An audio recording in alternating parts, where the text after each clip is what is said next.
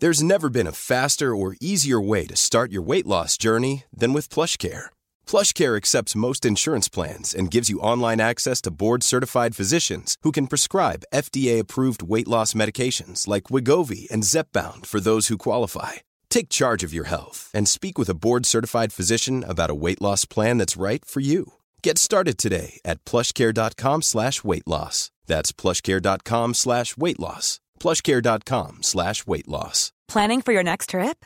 Elevate your travel style with Quince. Quince has all the jet-setting essentials you'll want for your next getaway, like European linen, premium luggage options, buttery soft Italian leather bags, and so much more. And is all priced at 50 to 80% less than similar brands. Plus, Quince only works with factories that use safe and ethical manufacturing practices. Pack your bags with high-quality essentials you'll be wearing for vacations to come with Quince. Go to quince.com slash pack for free shipping and 365-day returns. Systrarna Elvstrands hästpodd är producerad av Media House by RF. Hej på er allesammans och välkomna tillbaka till systrarna Elfstrands hästpodd. Avsnitt 42. 42. Eh, har du blivit gotlänning nu? Eller? Nej jag vet inte, det var en egen dialekt jag kom på. Ja, verkligen. Jag och Anna vi har ju våra alter egos Kristina och Karin och vi har ju pratat, eh, ja det är ju typ Blekingemål slash småländska nu hur mycket som helst så snart kanske vår västgötska kommer bytas ut eller vad tror du? Ja men det finns ju faktiskt en eh, risk för det. Jag har hört att människor som är lite mer empatiska av sig, de tar lättare efter dialekter och sånt. Ja. Så att, och jag känner själv att jag är ju ganska mycket en sån människa som, ja men när man har varit med någon, eh, typ när vi var med våra kusiner när vi var små, då började jag ju nästan prata lite halländska Ja. och sånt där. Så att jag kanske, jag, jag är så otroligt empatisk va, så att jag kanske, jag kanske börjar prata småländska slash blekingemål. Karin, Karin hon är så himla empatisk tös. Ja det är hon. Och Karin hon är gift med Rasmus. Rasmus ja. Och Kristina, hennes pojkvän heter Kristoffer. Jättefina killar. Va- Vad var det i efternamn? Eh, Kok. Kok. Kristina Kok och Karin Garnberg. Ja, alltså det är ju så roligt med eh, R bara för att vi själva inte pratar så egentligen så måste vi väva in så mycket småländska R vi kan. Ja, ni som följer oss på YouTube och Instagram story har ju sett lite grann. Men eh, det är långt ifrån så mycket som det är i verkligheten kan man Verkligen. Och det roliga är att jag fick ju ridhjälp av eh, Sigrid i veckan när du var iväg på gynekologbesök. Mm. Och då sa hon att ni måste göra mer med Karin och Kristina. Det är så roligt alltså. Ja, för alltså grejen att jag vet inte om det bara är vi som tycker det är kul eller om andra tycker att det är kul också. Ja, uppenbarligen tycker ju mamma och Sigrid att det är kul. jag vet att vi har fått en del kommentarer ändå på sociala medier om att det är kul. Så det, folk kanske tycker att det är kul. Ni får gå in och kommentera på Instagram i så fall så vi har koll. ja. Och om ni tycker att det är skittråkigt, ja då får vi låta bli helt enkelt. ja, då får vi göra det i vår ensamhet.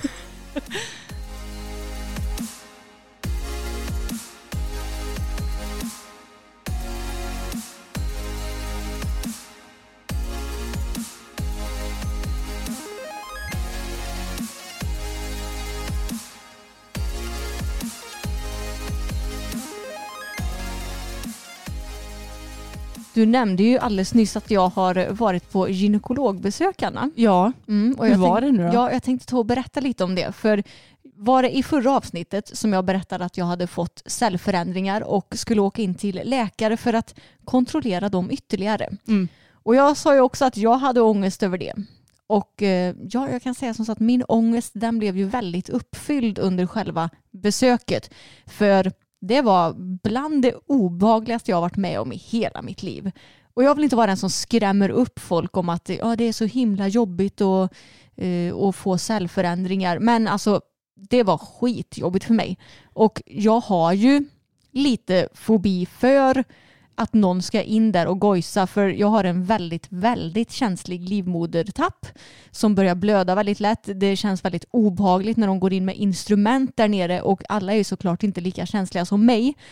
Men det var ren och skär smärta och obehag och jag tror att jag låg säkert där och de gjorde den här kompletterande undersökningen i kanske 15-20 minuter. ja. Det var så obehagligt och jag hade absolut en bra läkare. Det var inget fel på henne utan hon var jättegullig och sådär. Men hon kan ju inte hjälpa att det är så himla obehagligt för mig. Nej, men man kan väl säga att hon försökte ju ändå göra din upplevelse så lite obehaglig som möjligt. Hon försökte inte spä på den med att vara hårdhänt och så. Nej, precis Nej. så var det verkligen. Men åh, det var så vidriga grejer.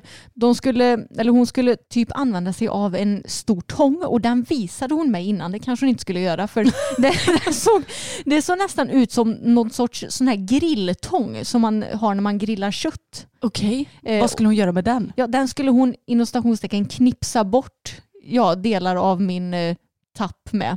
Där mina cellförändringar satt på. Och eh, ta ytterligare prover på det. Och då skulle jag hosta jättehögt samtidigt som hon gjorde det för att liksom lura kroppen att det inte skulle göra ont.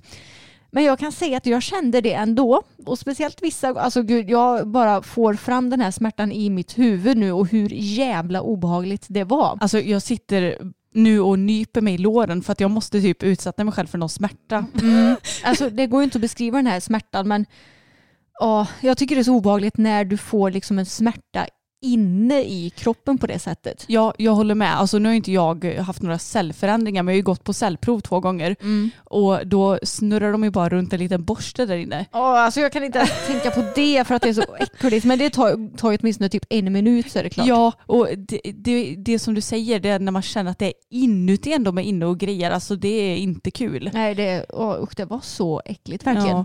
Och eh, ja, eftersom jag är en blodtjej då så började jag ju såklart att blöda. Eh, Jag blödde så pass mycket att när jag gick ifrån gynekologskol, skogen, gynekologstolen till mina kläder så blodade jag ner golvet för att det droppade blod på golvet. Men fy fan. Och då hade hon ändå satt, alltså tagit någon sorts blodstoppande vätska på min tapp för att den skulle sluta blöda. Men den blödde i, ja nu var det två dagar sedan som jag var där och jag har vad jag tror precis slutat blöda men man vet det kan komma en till liten flod snart. You never know. Nej, Men eh, gick du alla kalanka tillbaka till dina kläder då? ja exakt. Ja. Nej, så det var en riktigt obehaglig upplevelse men jag är nöjd över att ha det gjort och nu får jag väl se hon kommer väl att kontrollera vilken sorts cellförändringar det är för vissa förändringar gör man ingenting med vad jag har förstått och andra behöver opereras bort och hon sa att om det ska opereras bort så blir du antingen lokalbedövad i det området eller om de som tycker att det är riktigt obehagligt de kan bli sövda. Men problemet är ju bara att jag är inte speciellt sugen på något av alternativen för jag tycker att det verkar vara väldigt jobbigt att bli sövd och förlora kontrollen och det innebär ju alltid risker att bli sövd vid operation. Det vet ju vi som har kollat på Grace. Jo, absolut. Men jag kan säga att det är också den skönaste sömnen du kommer ha i ditt liv. Ja, precis. Det, det jobbiga är att jag inte väljer det liksom helt själv. Jag vet. Eh, Så det är lite jobbigt för kontrollbehovs-Emma, även om det säkert hade varit en ganska trevlig upplevelse för mig. Och det här med lokalbedövning, då känner jag att Alltså, kommer man verkligen vara helt bortbedövad så att jag inte känner någonting? Och det, jag kommer ändå veta att de är där nere och grejar. Alltså, jag har ju blivit lokalbedövad och opererad två gånger. En gång när de skulle dra ut en skruv i foten på mig och eh, en gång när de drog bort min tand. Eh, och alltså, de tar ju bort allt. Mm. Man känner ingenting förutom att det är klart att när de drog ut min visdomstand så kände jag ju liksom att nu lossnar tanden och lite sådär. Men du känner ju absolut ingenting. Men däremot så känns det som att så här, ska man ta sprutor upp i fluffis? Ja, precis. Då måste de ju ändå in där medan jag känner det. Ja. Ja, jag vet inte, men eh, ni som kanske har eh, gjort sådana här operationer, att ni har opererat bort era cellförändringar, ni kan ju gärna skicka ett DM till mig på Instagram om ni har lust att skriva om era erfarenheter så jag har lite koll. Det kanske skulle få mig att känna mig lite tryggare. Ja, men jag kan säga det att skulle du välja att söva så kommer inte det vara några problem heller för att jag vet att det är skitjobbigt. Alltså jag grät som en, jag vet inte vad, när jag skulle sövas. För jag bara, "Eh, jag tappar kontrollen. Och jag hade världens sötaste narkosläkare som bara, det är ingen fara. var så jätteglad och gullig. Eh, och sen så i själva verket när jag väl hade gjort det så var det ju ingen fara alls. Nej. Så att jag tror att du kommer lösa det alldeles utmärkt om du nu behöver opereras. Ja, det tror jag med. Men ja, nog tjötat om mina cellförändringar. vi kom ju precis in ifrån stallet där vi har mockat lösdriften. Jag började mocka Och efter att jag hade tömt tre stycken fulla stora skottkärror så skrev jag till Anna, kan du komma ut och hjälpa mig? och sen så mockade vi och tömde två fulla kärror till. Så ni förstår, det var extremt mycket att mocka idag. Hästarna är så fruktansvärt grisiga. Ja, alltså jag vet inte vad de haft för bajskalas i natt. Nej, bajs och hökalas kan man ju säga. Mm. Så att eh, det var lite att mocka och jag ber om ursäkt att jag inte kom tidigare men jag trodde inte det var så mycket. Nej, men jag lyssnade på spöktimmen så det gick ganska bra. Ja. Men jag kände att nu orkar jag inte mer så nu får du komma. Nu örker jag inte mer. Nej det där var inte min småländska alltså, utan Nej. det var någon värmländska tror jag. Nej men det var bra kämpat Emma. Mm. Så folk som tror att det är a piece of cake att ha hästar på lösdrift, det, det är det ju inte. Nej alltså det har vi ju nämnt tidigare men det är ju nästan tvärtom att det är mycket enklare att mocka en box. Ja, en box är i alla fall inte helt blöt av eventuellt regn och sånt där. Nej. Eller blir frusen när det är fröset ute, täckt av snö om det har snöat. Ja, det är mycket enklare att mocka i en box helt enkelt. Ja, men på tal om greja i stallet så har ju jag och pappa äntligen bytt plank i boxarna. Mm. För vi fick hem vårt plastplank efter typ ett halvår. Vi beställde det ja, men i samma veva som vi målade om stallet och det var ju i somras. Det kan ju ha varit typ i juli eller något sånt där va? Ja, det måste det ha varit. Ja. Och då tog det ett tag och jag tänkte bara, men vart är våra kära plank? Och så bad jag pappa höra av sig. Och då hade det blivit fördröjt på grund av corona. Och sen så när väl planken kom, då var det såklart fel storlek på dem. Alltså, hur svårt ska det vara att göra sitt jobb rätt? Ja men vad fasen det kan väl hända. Men så äntligen kom de i alla fall. Det roliga var att jag dagen innan sa till pappa, nej nu får du faktiskt ta och höra av dig och se om de är på väg. Och sen så kom de dagen efter. Så att jag vet inte om de bara oj oj oj fick lite eld i röven av min av så här tanken av att jag kommer att ringa. Nej jag skojar. Ja, säkert. Men eh, nu är det gjort. Ja, det ser riktigt tjusigt ut och eh, du har ju filmat en vlogg också.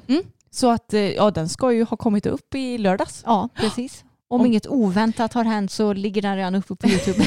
Exakt för grejen är att jag och pappa vi var väl lite väl naiva och tänkte att vi skulle bli klara i söndags. Men eh, av eh, förklarliga skäl så blev inte det. Vi gjorde alltså det här i helgen, eller förra helgen blir det för er som lyssnar. Eh, Men eh, sen så tänkte jag att ja, ja, men då blir pappa klar på måndagen för att det var han som skulle skruva upp vattenkoppar och krubbor. Men nej, det blev han inte heller. För att han visste inte riktigt vilken höjd han skulle sätta krubborna på.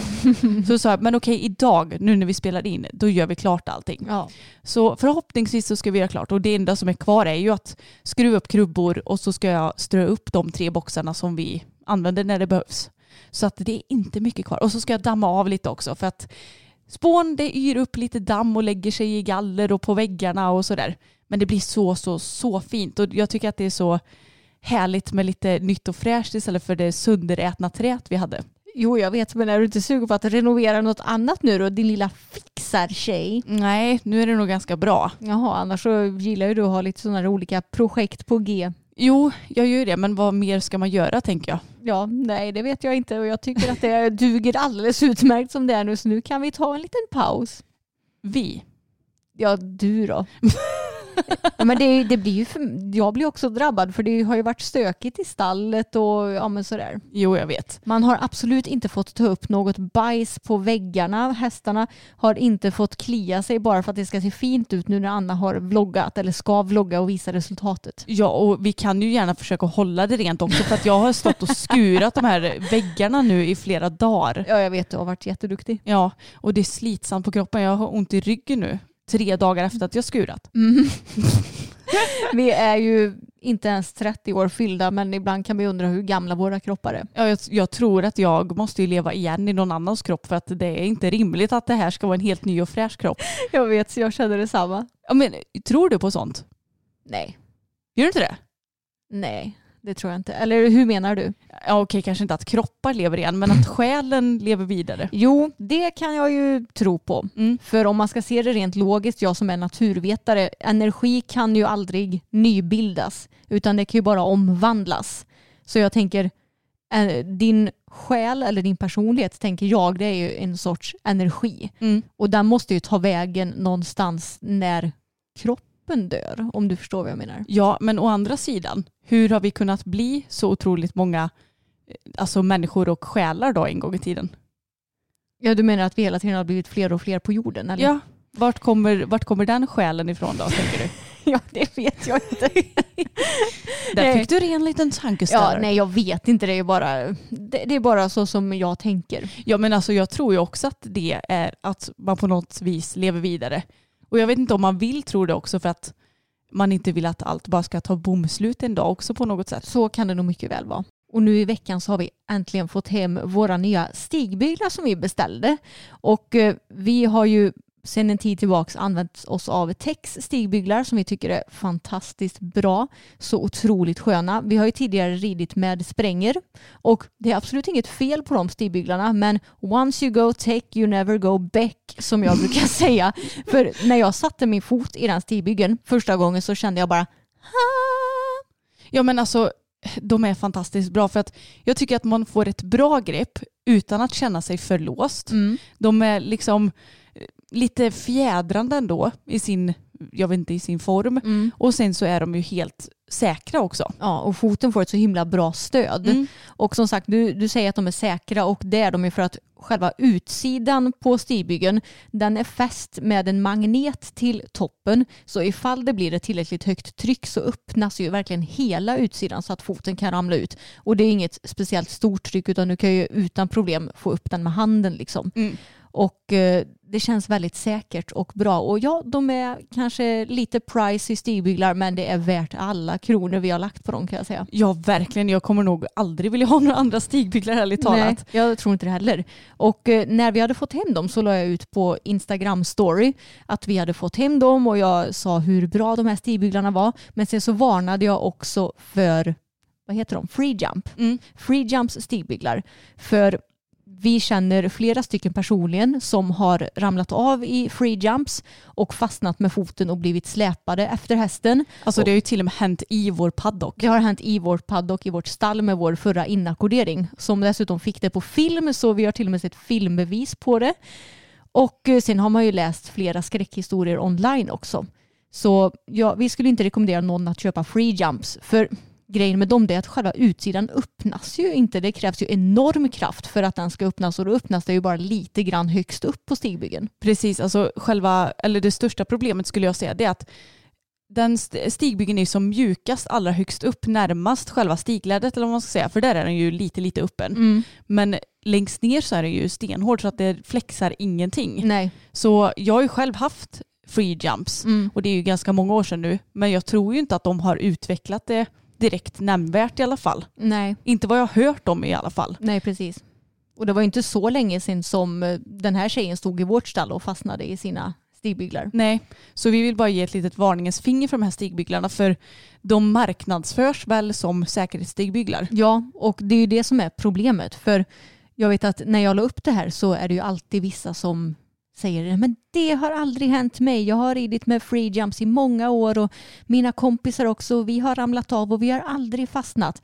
Nej, du och jag, vi har också ridit med free jumps i några år. Vi har heller aldrig fastnat. Nej, Men bara för att inte vi har fastnat så betyder inte det att andra inte gör det. nej men exakt det kan ju hända en dag och då kanske det Alltså jag, tänker så här, då är det ju bättre att ta den här varningen och kanske byta innan det är för sent. Ja, exakt. Och göra sin research om man kanske ska köpa sådana här grejer.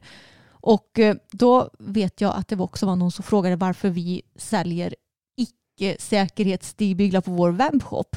Och jag känner att vissa människor de är så himla svartvita i allt tänk. För jag tycker lite som så att vi säljer både säkerhetsstigbyglar och kanske stigbyglar som inte marknadsförs som säkerhetsstigbyglar. Men grejen är att om du köper ett par free jumps till exempel så köper du dem i tron om att det är ett par säkerhetsstigbyglar. Och då köper ju du också en tro om att du är säker när du rider i dem. Precis att, ja men skulle jag trilla av nu så är det helt lugnt för att den här kommer ju lösa ut sig. Men jag menar köper du en stigbygel där alla sidor är hela och den inte kan flexa åt något håll eller så, då vet du ju troligtvis det. Och skulle det hända någonting då, ja men då vet du kanske att ah, ja, jag har inte köpt någon säkerhetsstigbygel men det kanske jag ska göra nu. Alltså, ja det kanske är lite konstig situation men du förstår ju ändå vad jag menar. Ja, precis. Det man vet ju om vad man köpt. Ja, det blir ju lite falsk marknadsföring att säga att en stigbygel är en säkerhetsstigbygel och sen så är det hur många som helst som ändå fastnar i dem. Mm. Det är ju det som blir det farliga för då har du ju ändå valt att köpa en säkerhetsstigbygel och eh, fastnar ändå i den. Exakt. Och folk som köper icke-säkerhetsstilbyglar det kanske är lite mer dressyrryttare till exempel som kanske inte utsätter sig för lika stora risker Även om såklart dressyrryttare också kan flyga av men jag tror ni förstår vad jag menar. Ja men precis det, det är ju ganska Alltså i dressyren så brukar man ju ha de här standardstigbygglarna som inte kan lösa ut sig åt något håll. Mm. Och jag föredrar, jag har ju ett par sprängestigbygglar som de är ju så här mjuka i midjan på själva, vad ska man säga, stången. Ja precis. Så de är ju också säkra stigbyglar. Eller de är ju säkra så sätt. Så att jag väljer att ha säkra stigbyglar även på dressyrsadeln för det kan ju hända saker oavsett vad man gör tycker jag. Ja, precis. Men på tal om att folk är så svartvita i sitt tänk. Det är också vissa som har frågat varför vi till exempel säljer kandar på vår webbshop. Mm. Men jag känner lite att bara för att vi har diverse åsikter inom ridsporten då behöver vi väl inte pracka på alla kunder på vår webbshop de åsikterna. Jag menar, det är ändå en väldigt liten del av våra kunder på webbshoppen som följer oss på våra sociala medier.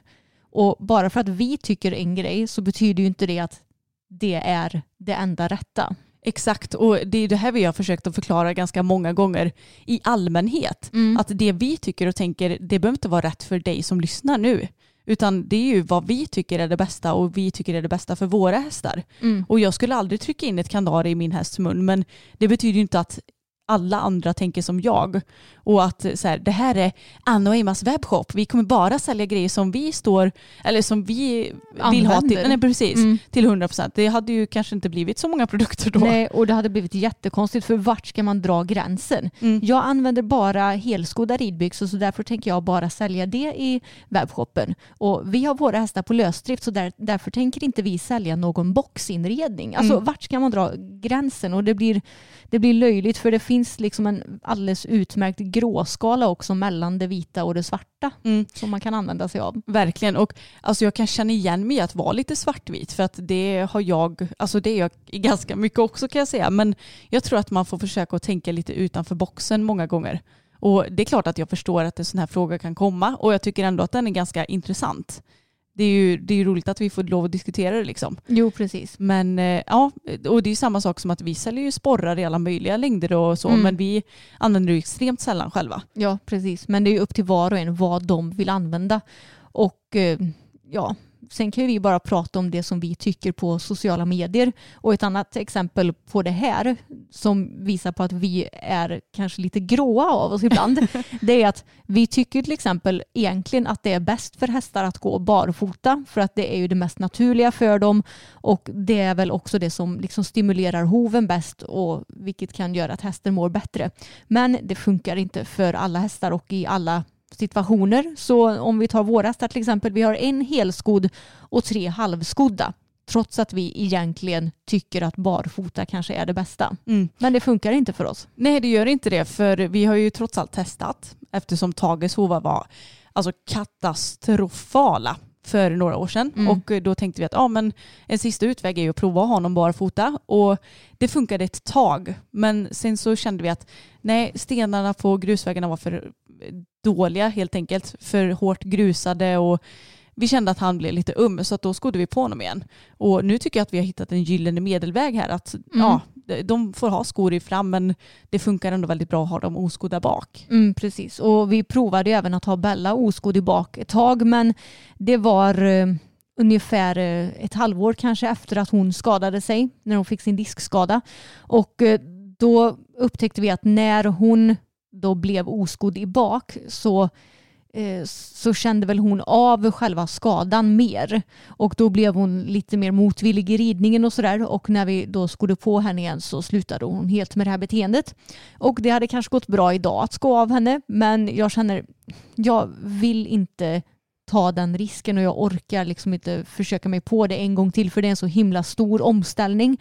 Och hon funkar ändå väldigt bra med skor tycker jag så jag ser inte riktigt någon anledning till att göra det heller. Nej, jag förstår det. Och det är ju också sån här grej att man måste ju se till vilken häst man har och vad man själv tycker är bäst. Men alltså de flesta hovslagare jag har pratat med, de tycker ju, de är ju alla överens om att barfota är ju det mest naturliga och det som egentligen är bäst för hästen. Men det funkar absolut inte för alla. Och eh, idag när vi spelar in det här avsnittet så har jag och Emma ridit ut på Tage och Boppen, vilket gick jättebra. De var pigga och glada.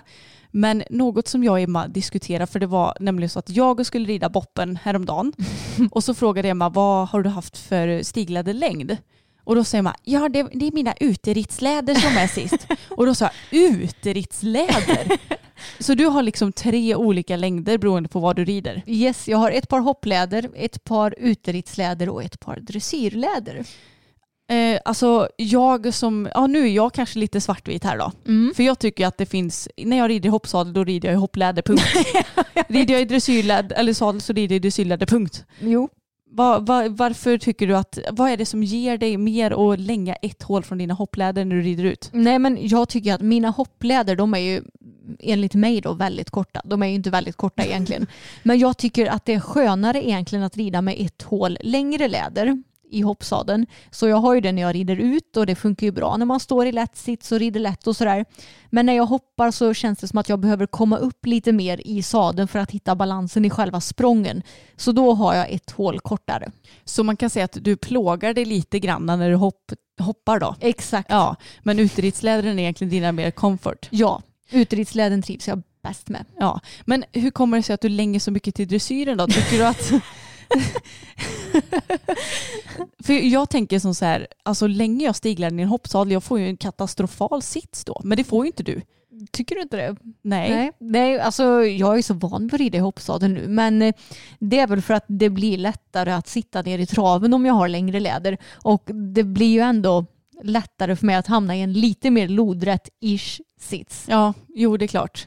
Men nej, jag, jag, jag får kli i kroppen bara jag tänker på att rida i dressyrläder i hoppsadel alltså. Åh nej, det går bra för mig men jag är ju van vid det. Ja, och du gillar ju inte dressyrsadel å andra Nej, sidan. Så. exakt. Så även om jag vet om att det hade ju varit optimalare för min sits så har jag ju inte hittat någon dressyrsadel som passar. Nej, du har ju ansträngt dig extremt mycket att försöka Jo. hitta en också. Jag vet. Inte.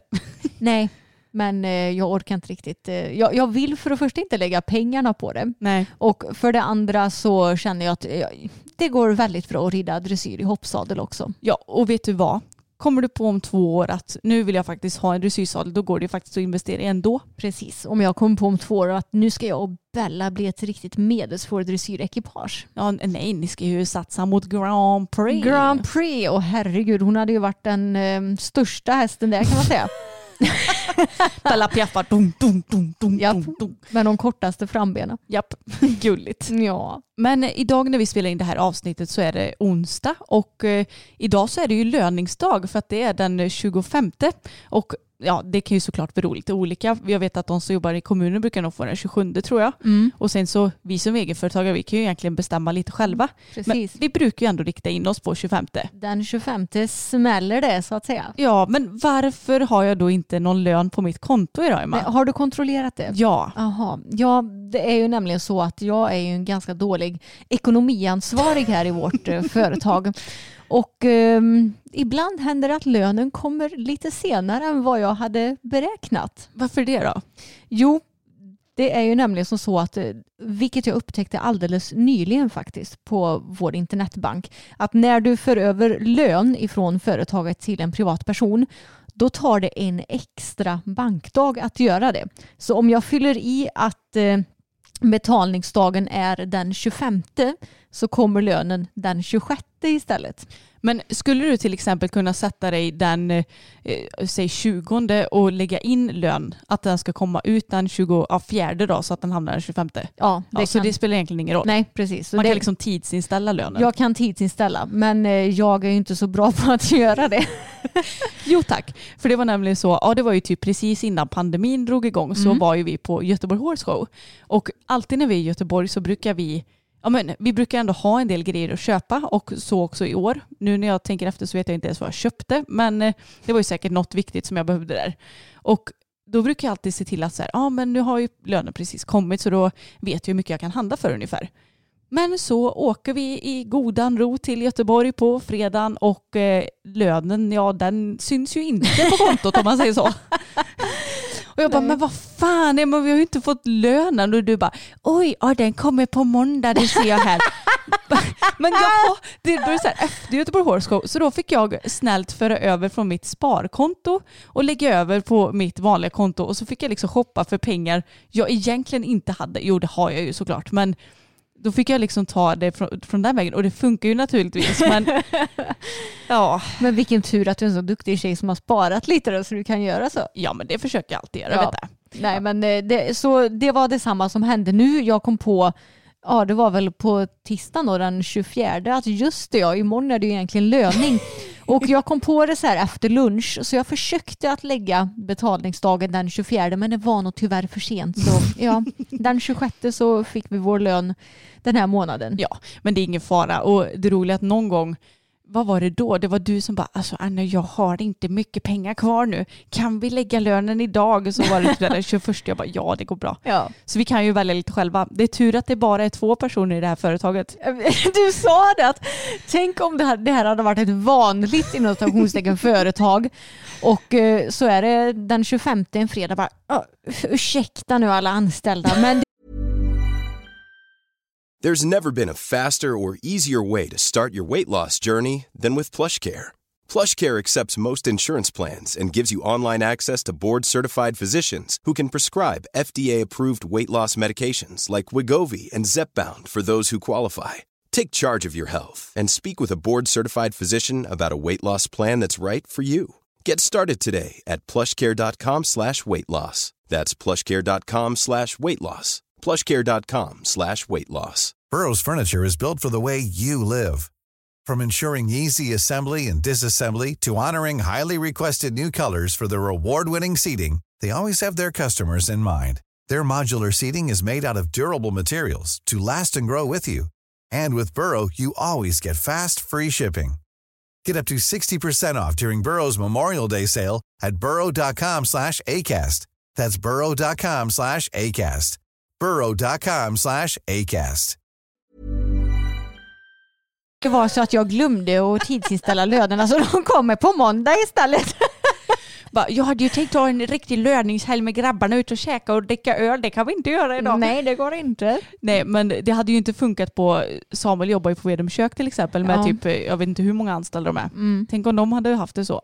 Ja det är tur att eh, vi bara är två anställda hos oss. Ja, och i ett företag som är stort då har man ju en hel ekonomiansvarig som bara jobbar med löner och hej och hå. Jo exakt. Så att det är inte så konstigt. Det är tur att jag är lite bättre på att betala fakturer och sådär. Ja, alltså jag känner ju rent spontant att det är ju viktigare än att vi får lön egentligen så sett. Jo det är det ju. Även om det är ju trevligt att kunna ha pengar att faktiskt köpa mat och sånt för. Mm. För det är fan inte mycket annat man gör i dessa tider kan jag säga. Nej, jag kan säga som så att eh, ja, nu den senaste månaden sedan vi fick vår förra lön så har jag eh, spenderat eh, 2500 kronor typ. Och det är typ på mat. Ja, alltså eftersom vi inte har åkt någonstans. Jag har inte ens behövt spendera det på drivmedel. Nej det är helt sjukt. Så jag har i princip bara köpt mat, lite grejer på typ Apotea. Ja, that's it. Du kan spara undan mycket den här månaden. Ja, men, det kan, men det är ju perfekt eftersom det är ju julklappsmånad nästa månad. Så. Ja och eh, mamma du lyssnar ju på det här det vet ju jag och vi ska köpa massa fina julklappar till dig bara för att du säger att du inte vill ha något. Nej jag skojar men något kul så kan de ju faktiskt få. Något kul. Något kul ja. Men du på tal om att köpa mat. Mm. Du var ju i affären i lördags. Ja, det var jag. Och ni som har sett min Insta-story såg ju också att jag har köpt ansiktsmasker som jag börjat använda nu när jag åker och handlar. Och låt mig bara säga som så att det var väldigt, väldigt välbehövligt den lördagen som jag åkte och handlade. För det var sjukt mycket folk i affären. De borde ju nästan ha något sorts system så att det bara är en viss, eh, alltså ett visst antal människor som får komma in åt gången. Så jag hade på mig min mask. Jag var för övrigt den enda som hade det i hela affären. Dock blev jag lite förvånad över det för jag har ändå sett en person typ varje gång jag har handlat som har haft mask nu det senaste. Ja, samma Men här. nu när det kryllade av människor så var jag den enda som hade det. I alla fall, något som jag stör mig väldigt mycket på så här i pandemitider, det är folk som handlar och prompt ska dra med sig hela familjen och göra det. Det är så irriterande. Nu när jag var och handlade då så var det flera familjer på typ så här fyra personer som var och handlade. Det är liksom helt onödigt. Du behöver inte vara mer än en person för att handla. Nej, och jag menar nu dessutom, det är inte så att det är varmt att sitta i bilen och vänta. Nej, Det är inte sommar. Så att jag menar det går alldeles utmärkt att sitta kvar i bilen då medan en person är inne och handlar. ja precis. Jag blir lite tokig på alla barn som är typ 5-10 år som ska springa runt i affären. Och har du så pass gamla barn, då kan de gott vara hemma själva också tycker jag. Ja, kanske inte femåring, men, Nej, men- tioåring i alla fall. Ja, herregud, yngre än så också väl? Ja, det är nog lite upp till vad man har för personlighet. Ja, jag vet Ja, men det är bara att släppa tvååringarna hemma. Vet du. De Ja. klarar sig själva bara. De kan krypa Precis. fram till vattenflaskan så Ja. är det lugnt. Men de flesta barn har ju två föräldrar. Ja, Så jag tycker inte att båda föräldrarna och båda barnen behöver följa med till affären i alla fall. absolut inte. Det kan vi ju konstatera. Gud ja. Där är jag svartvit. Ja, ja men vad fasen, i coronatider så gäller det väl att vara svartvit om något. Ja, Och dessutom så såg jag,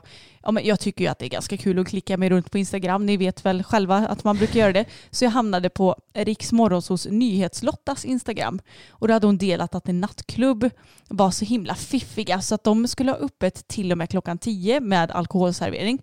Sen så skulle de stänga ner klubben i en halvtimme och sen så skulle de öppna klockan 22.30 utan alkoholservering. ja jag har sett det och det är flera stycken som har sagt att de ska göra det nu. Ja, ja, säkert. Mm. Och för det första så tror jag inte ett jäkla jota på att de kommer stänga ner alkoholförsäljningen, utan det kommer de säkert att fortsätta sälja för att jag vet också att man pratar om det att man tjänar ju inga pengar på att sälja bara läsk. Nej, Det är ju, alltså alkohol ute är svindyrt så att jag Mm. förstår att de tjänar pengar på det.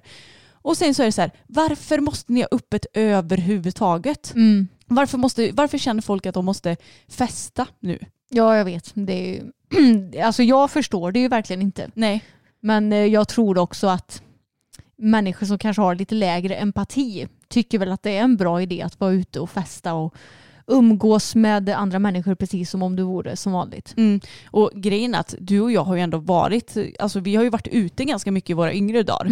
Nu är det ju närmare ett år sedan vi var ute sist. Det är Japp. helt sjukt. Hade Anna 20 år fått reda på det här, hon hade ju bara, alltså jag vill inte leva tills jag är eh, 25 typ för att det känns inte som ett liv värt att leva ens Nej. en gång. Nej men vi har ju ändå varit ute och dansat ganska mycket förut på krogar. Japp.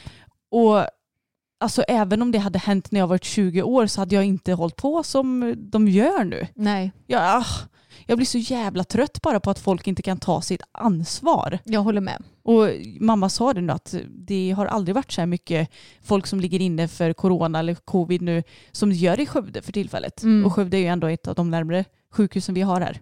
Så att jag blir så ledsen och less, rent ut sagt. Något som du och jag blev väldigt glada över Emma, det är ju att det här eh, beslutet om eh, hjälmkrav kommer att träda i kraft som vi ju hoppats på i och för sig till 2021. Det är nästan så att det krävs lite applåder till denna. Vilken är det då? Är den gula? Yeah! Finally, någon som inte blir glad över det dock det är ju Karin Garnberg. Hon kommer ju aldrig få se Patrik Kittel och Isabelle Werth bära sina fina hattar något mer nu. Nej, det är ju så himla fint och klassiskt med hatt. Det är ju hatt och kandar, det är ju det som gäller. Annat kan man ju inte rida i. Jag brukar rida i skogen med mitt kandarträns, vet du. Precis. Nej, men jag tycker att det är så himla bra och som vi pratat om tidigare, det är ju helt rätt i tiden. Ja, det är det verkligen. Men även om det finns folk som säger att vi är väl vuxna människor som ska kunna ta våra egna beslut. Ja, men som jag nämnde med det här med nattklubbar och sånt under coronatider. Folk kan ju uppenbarligen inte ta några vettiga Nej. beslut. Exakt så. Det är högst rimligt att det här beslutet har blivit taget nu tycker jag. Ja, verkligen. Ja, så nu får vi se Kittel och Werth bära hjälm istället då. Ja, men det- det... Det, det, är väl inget ovanligt egentligen att Kittel rider med hjälm. Det är bara att han vägrar ha det typ under mästerskap och sånt vad jag har sett. Eller? Ja, det kommer se mycket bättre ut i alla fall om man slipper oroa sig över att eh, någon ska slå i huvudet. Ja, men något som jag funderar över när det kommer till hjälm. Alltså männen ska ju framförallt plocka av sig hjälmarna när de ska rida ärevarv och sånt. Ja, det är så fjantigt. Så jäkla tuntigt Ja. och framförallt varför får de göra det? Ja, och liksom, jag förstår, det är säkert någon militär eh, tradition eller sånt där. Ja. Men det ser ju så förbannat fjantigt ut. Och sen att bara männen ska göra det. Kvinnorna de får inte ta av sig hjälmen utan den ska sitta på huvudet då. Mm. Och var det inte under Göteborg Horse Show som, eh, nu ska vi se, Geir Gulliksen. Geir Gulliksen var det som åkte av. Mm. Som dessutom inte får trilla av typ för att han redan är så skadad. Ja, Precis, hade inte han tagit av sig sin sån säkerhetsväst då också? Jo, på, det hade han till, säkert. till ärevarvet kanske? För att, ja, jag vet inte, nu Nej. kanske jag ljuger. Men han tog ju av sig hjälmen i alla fall för att han skulle göra den här fjantiga lilla ritualen. Mm. Och eh, då blev ju hästen rädd när han skulle räcka ifrån sig mikrofonen bara va? Ja just det. Och sen så sken hästen iväg och Geir for rätt in i sargen. Mm. Liksom. Och tack och lov gick det ju bra men jag känner bara Alltså det borde ju införas en regel om att hjälm ska bäras om du sitter på hästen. Ja, med knäppt hakband. Ja, så att den, alltså oavsett om du rider fram eller om du ska rida ärevarv så är den på. Ja precis. Och sen det är ju extra liksom, intressant också att hjälmen den ska av på ärevarv när nio av tio hästar blir helt tokiga på ärevarv i sådana här stora arenor. Ja men konstigt, de blir ju skrämda naturligtvis Ja. för alla applåder och publik och musik och Ja men de blir ju jättestressade. mm. Så att det, då om något borde man ju ha hjälm. Mm. Men då kan man skita i det under hoppbanan i så fall. Ja precis, då, då behöver vi inte ha hjälm för det är ju vuxna människor, de får göra vad de vill. Det skitsamma liksom. Men eh, Anna, du har ju också haft en liten period i ditt liv när du inte var vuxen och red utan hjälm. Alltså man önskar att man kunde slå 17-åriga Anna i huvudet med en stock eller någonting. Ja men gud jag var så dum i huvudet. Man får se så när man pratar om sig själv faktiskt. För alltså grejen är att jag gillar att fota och jag gillade att bli fotad. Nu tycker jag inte att det är det roligaste som finns eh, längre direkt. Föredrar att stå bakom kameran än framför den. Mm. Men så vill jag ha lite härliga midsommarbilder kommer jag ihåg. Mm. Och jag var nog 17 år gammal Ja det var 2010, vi Mm. hade typ precis fått hem boppen. Ja, och boppen är ju som ni vet väldigt stor. Ändå en ganska nervig häst. Mm. Och, och, ja, jag tänkte att det är väl en jättebra idé att ta Tage och boppen till ett litet eh, fint skogsparti i, ja det var ju på ett fält då som jag skulle rida. Mm. Och så hade jag på mig din studentklänning som för övrigt har ett äckligt tuggummi mellan eh, tyget kommer jag ihåg. Den, den är ju kasserad för länge sedan i och för sig. Mm. Och så hade jag strumpbyxor och så hade jag gjort mig en liten fin blomkrans. Och så eh, tänkte jag att ja, men jag tar ju såklart lite bilder här utan hjälm när jag galopperar runt på en 1,82 meter hög häst. Nervig häst. Mm. Så, och jag, den som stod bakom kameran då, Kan ni gissa vem det var? Vår kära pappa Hasse Hans, han får också en applåd. Alltså det är så kul! Det märks verkligen att det här är andra tider för det här var ju tio år sedan. Jag hoppas att ingen man på, ja hur gammal var han då, 47? Mm. Jag hoppas att ingen 47-årig man idag låter sin 17-åriga dotter rida utan hjälm och samtidigt stå och fota det. Ja, och samtidigt som han måste hållit i taget, för jag kan ju inte tänka mig att jag red iväg med en häst i taget. Men jag kommer inte riktigt ihåg, det är länge sedan. Men alltså jag skäms så jäkla mycket och grejen att det här är ju inte enda gången som det hänt att jag ridit utan hjälm för att få fina bilder. Nej jag vet, det, jag tror du gjorde det senast när du var typ 20 kanske. Ja, jag, ja, jag tror att jag precis hade brutit foten och typ Mm. kommit igång igen. Det, det verkar ju onekligen som att hjärnan eh, inte är färdigutvecklad förrän man är 25 då med tanke på dina tidigare val här i livet. Nej men det är ju sant. Mm. Alltså jag tänkte så här, "Ja, ja men jag ska bara fota lite. Ja men det är väl då som det kan hända som mest grejer för att du sitter ju i vanliga kläder liksom. Och dessutom då hade jag ju strumpbyxor på mig. Alltså Ja, det jag ju vet. Jättehalt. Ja, men var det inte så att när du skulle fota då med Boppen när du var 17 år, han gillar ju inte heller när man sitter barbacka på, på honom. Mm. Och det gjorde du ju också ska tilläggas. Och hade inte du ens problem att komma upp på honom då? jo lite men då hade jag faktiskt hjälm på mig när jag skulle sitta. Men den flög av sen och på åkte kransen. Jajamensan du. Mm. Man kan ju inte ta fina bilder med hjälm förstår du Nej, väl. jag vet. Men jag tycker det är lite kul för det känns som att det var mycket mer socialt accepterat förr i tiden att ta fina bilder utan hjälm. Mm. Det var så här att ja, men jag rider ju alltid med hjälm när jag rider. Men när jag ska fota lite fina porträttbilder då kan jag rida utan hjälm. Alltså det är helt ologiskt egentligen. Mm. Och det värsta av allt är att jag minns ju en jul. Vänta, när kan det här ha varit? Det var ingen snö så det kan inte ha varit allt för länge sedan. Mm. Men jag red i alla fall stackars Tage på kandar. Varför i hela friden red jag honom på kandar? Men det här var ju när du hade rött, Rött hår. Var inte det 2013? Jo, det kan nog Så vara. jag tror du var 20. Ja, ja, ja, det var jag ju då. Mm. Ja, och då skulle jag ju inte ha någon hjälm på mig utan då hade jag en tomteluva och red runt i paddocken med. Mm. Åh gud, alltså jag, jag får så här varje timme nu i förhand av att berätta det här. Jag tycker det är så jävla pinsamt rent ut sagt. Men det är bara du som har sådana bilder för jag har väl aldrig ridit utan hjälm och blivit fotad va? Jag tror inte det, du har varit lite äldre och klok. Men jag fotar ju dig med tagen när du red dina tomtebilder så jag vet inte, jag, jag kanske heller inte är så klok. Nej, men har du någonsin ridit utan hjälm? Nej, inte, inte med vilje tänkte jag säga. Fan, det kräver en applåd. Nej, men allvarligt talat, alltså, jag tycker att det här med att rida utan hjälm, alltså det är ju ren idioti bara tycker jag. Mm. Men det här med att fota fina bilder, vi borde försöka att liksom införa att det är fint att ha hjälm. Mm. Oavsett om du sitter i vanliga kläder. Alltså det är ju, det är ju ballt att ta hand om sitt huvud liksom. Ja precis och jag tänker vill man ha fina porträttbilder och man har typ fixat sitt hår och sådär då går det all- alldeles utmärkt att stå bredvid hästen på marken. Exakt, för ja, jag kan väl köpa att det ser ju kanske lite konstigt ut att ha så här lockigt stort hår och en klänning och så sätter man på sig en hjälm och rider. Men som sagt, man kan ju stå bredvid. Och det är urbota dumt att tänka att så här, ja, men det kommer nog gå bra om jag sitter på hästen i fem minuter och ska ta lite fina bilder. För det kan hända jättemycket under de fem minuterna.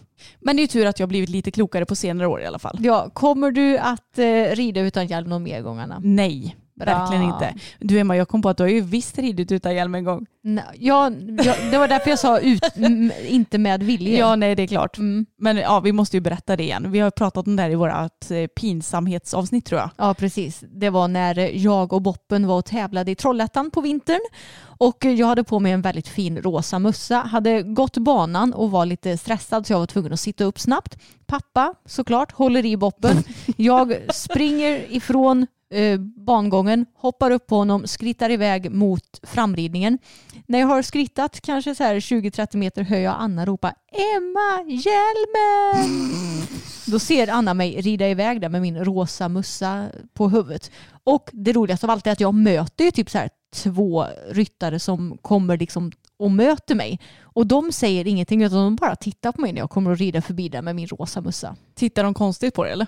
Ja, lite tror jag. Ja, Men eh, alltså, problemet också när du har en mussa på huvudet, då känner du att du har något på huvudet. precis. Det Så- är livsfarligt. Ja, så det är så himla lätt att glömma, alltså, att glömma bort att ta på hjälmen då. Ja, men eh, man får nästan göra så innan man sitter upp så får man ta, på, ta med handen på huvudet så och känna att ja men nu är bra, det är en hjälm.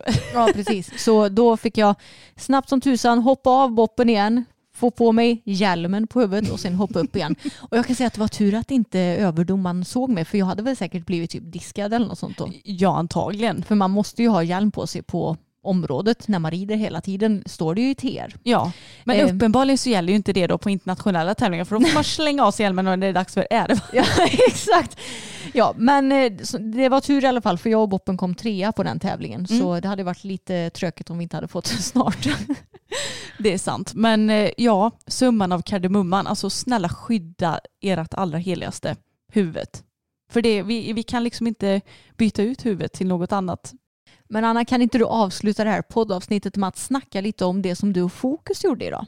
Jo men absolut. Vi har tränat för Anna idag och just nu, nu kommer jag på att jag måste swisha henne. På tal om minne så är ju inte det alltid med en men det är tur att hon påminner om man glömmer. Men hur som helst så var han jätte, jätteduktig och eh, en grej som vi gjorde det var att ja, men han skulle ut och galoppera på en volt runt mig för eh, ja, vi skulle bryta av lite det vi höll på och tränade på för stunden. Och då, det roliga var att jag råkade tappa honom för att det har varit, alltså det är ju ganska blött ute nu. Så att mina handskar var blöta och repet var blött, blött så att jag tappade honom. Och det roliga var att jag bara oj då, nu springer han iväg. Men jag behövde liksom bara titta på hans rumpa och så veva med händerna som att säga kom till mig. Så kom han till mig. Vad duktig han är. Jätteduktig. Det kändes himla fint att trots att han var i paddocken, alltså han hade ju kunnat racea till utgången och sticka till de andra liksom. Mm. Men han sökte ändå trygghet till mig. Så jag tyckte det var jättefint. Men framförallt så hade vi faktiskt på Sadel och Trends idag och eh, Anna visade mig lite hur man kan tänka om man har en kropp som inte fungerar till 100%.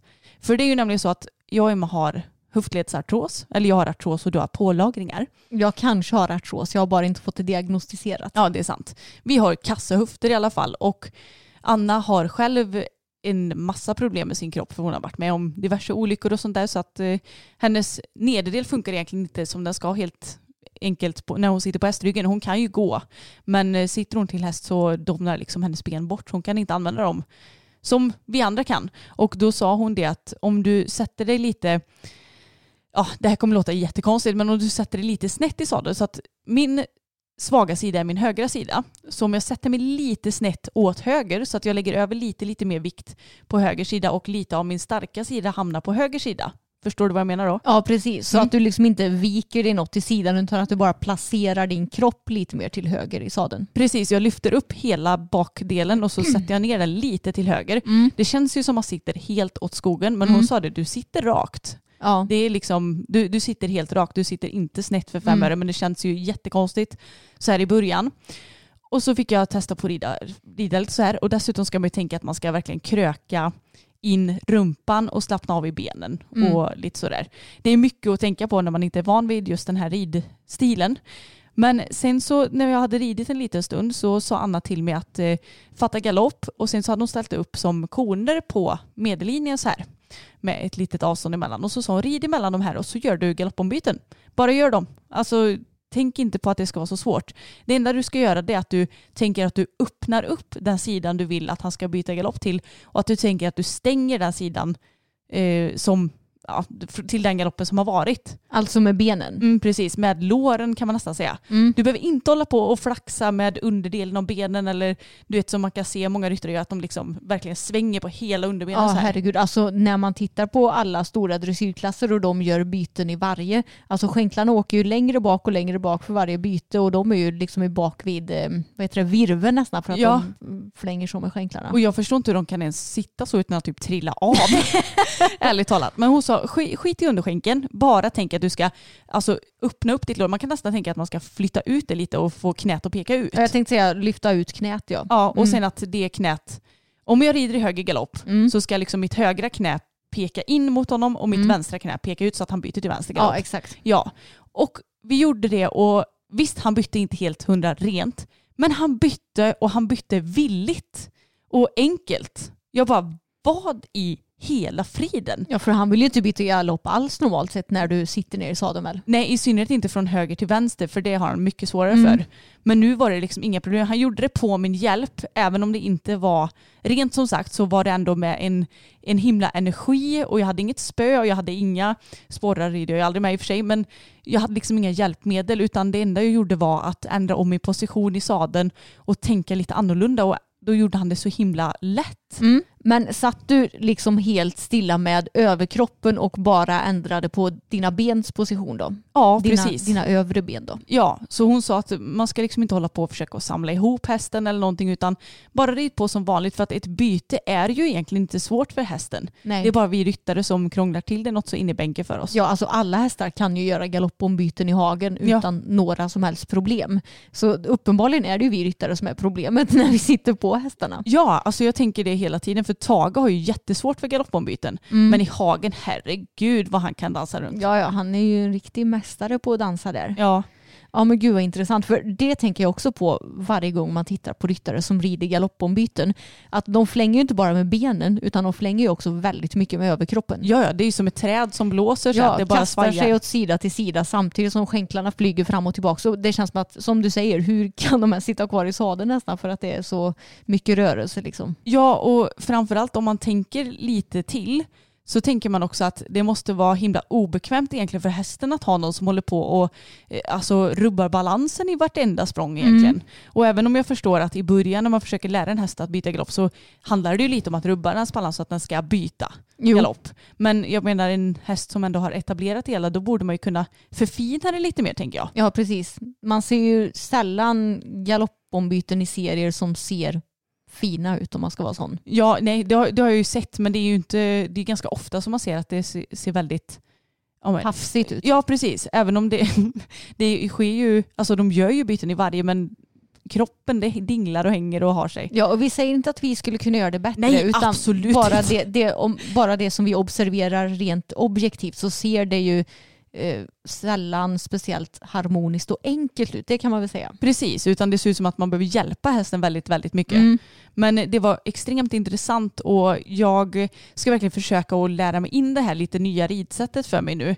För att se om det kan hjälpa oss i framtiden. För att Fokus har ju en hel del problem med att ja, men han är inte riktigt så enkel att vända kanske alla gånger och han kan, hans boga kan flyga runt lite här och var och han har inte velat byta galopp riktigt och ja, men det, vi har haft ganska mycket svårigheter. När jag Mm. rider för vändgalopp så får vi inte riktigt med bogen utan han blir lite styv liksom. Och Anna säger det att ja, men mycket kan mycket kan ju bero på att du har en så himla dominant vänstersida och en svag högersida. Mm. För då blir det att han, ja men det, det är ju såklart mycket enklare för hästen om man är lite mer liksidig. Jo, men jag är ju precis som dig. Jag har också en svag högersida och Mm. eh, starkare vänstersida. Så jag kanske också borde prova det. Eh, speciellt då när Bella blir frisk så hade det varit intressant att ja, men ha Annas ögon på oss uppsuttet någon gång också så hon kan se. För när det kommer till Bella och byten till exempel. Hon har ju ganska lätt för att byta om jag står upp i lätt sits Mm. och hon gör ju ändå rena byten ja, men minst hälften av alla gånger skulle jag säga när jag Ja. byter galopp på henne.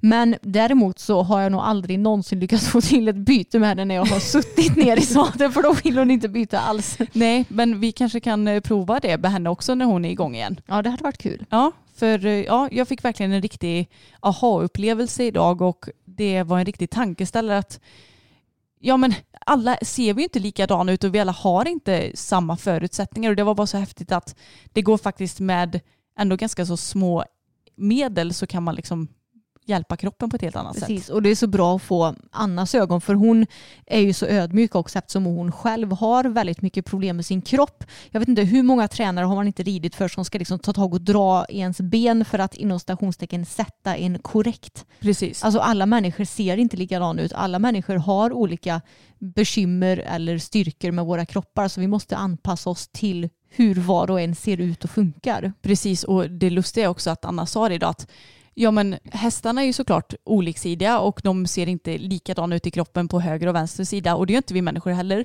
Men sadlar, de är helt liksom perfekta. De, har inga, de är inte sneda åt något håll.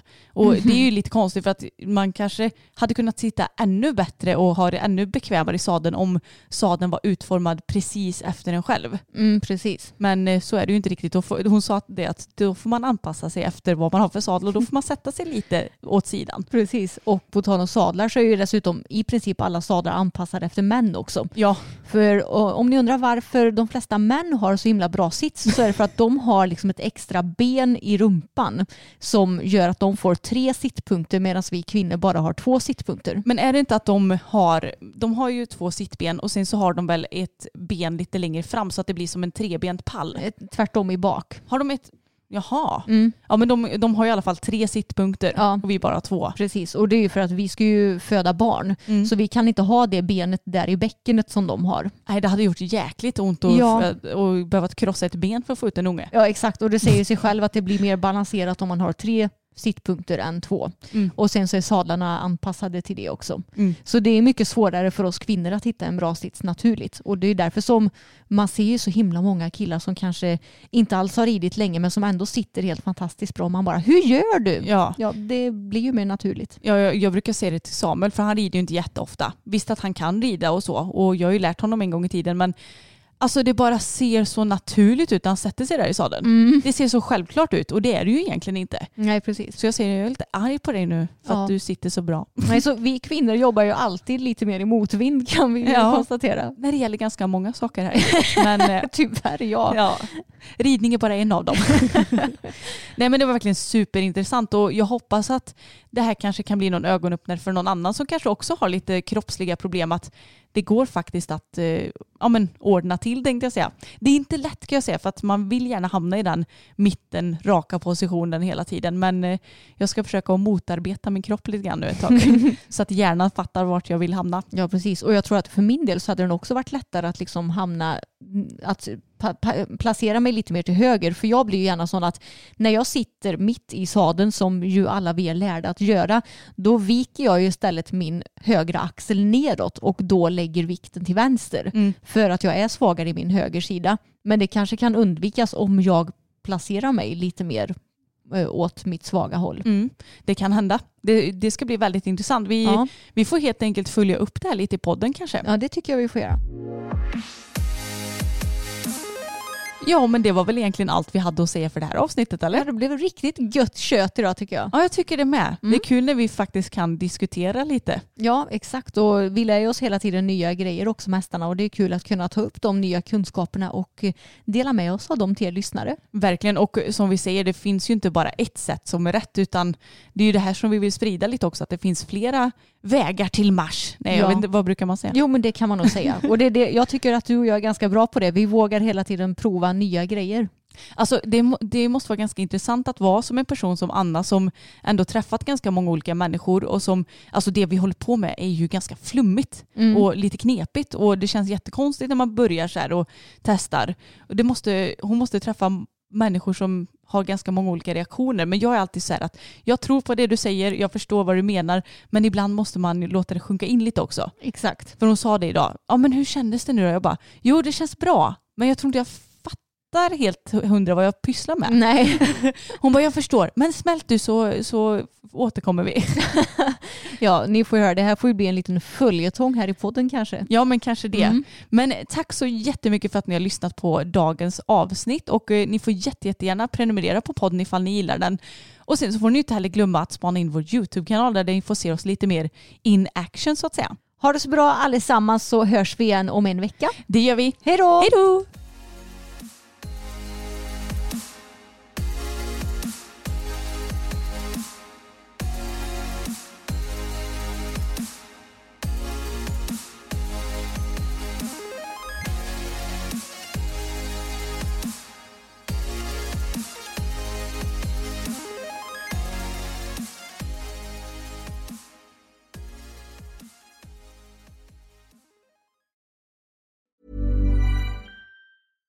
Flexibility is great. That's why there's yoga. Flexibility for your insurance coverage is great too.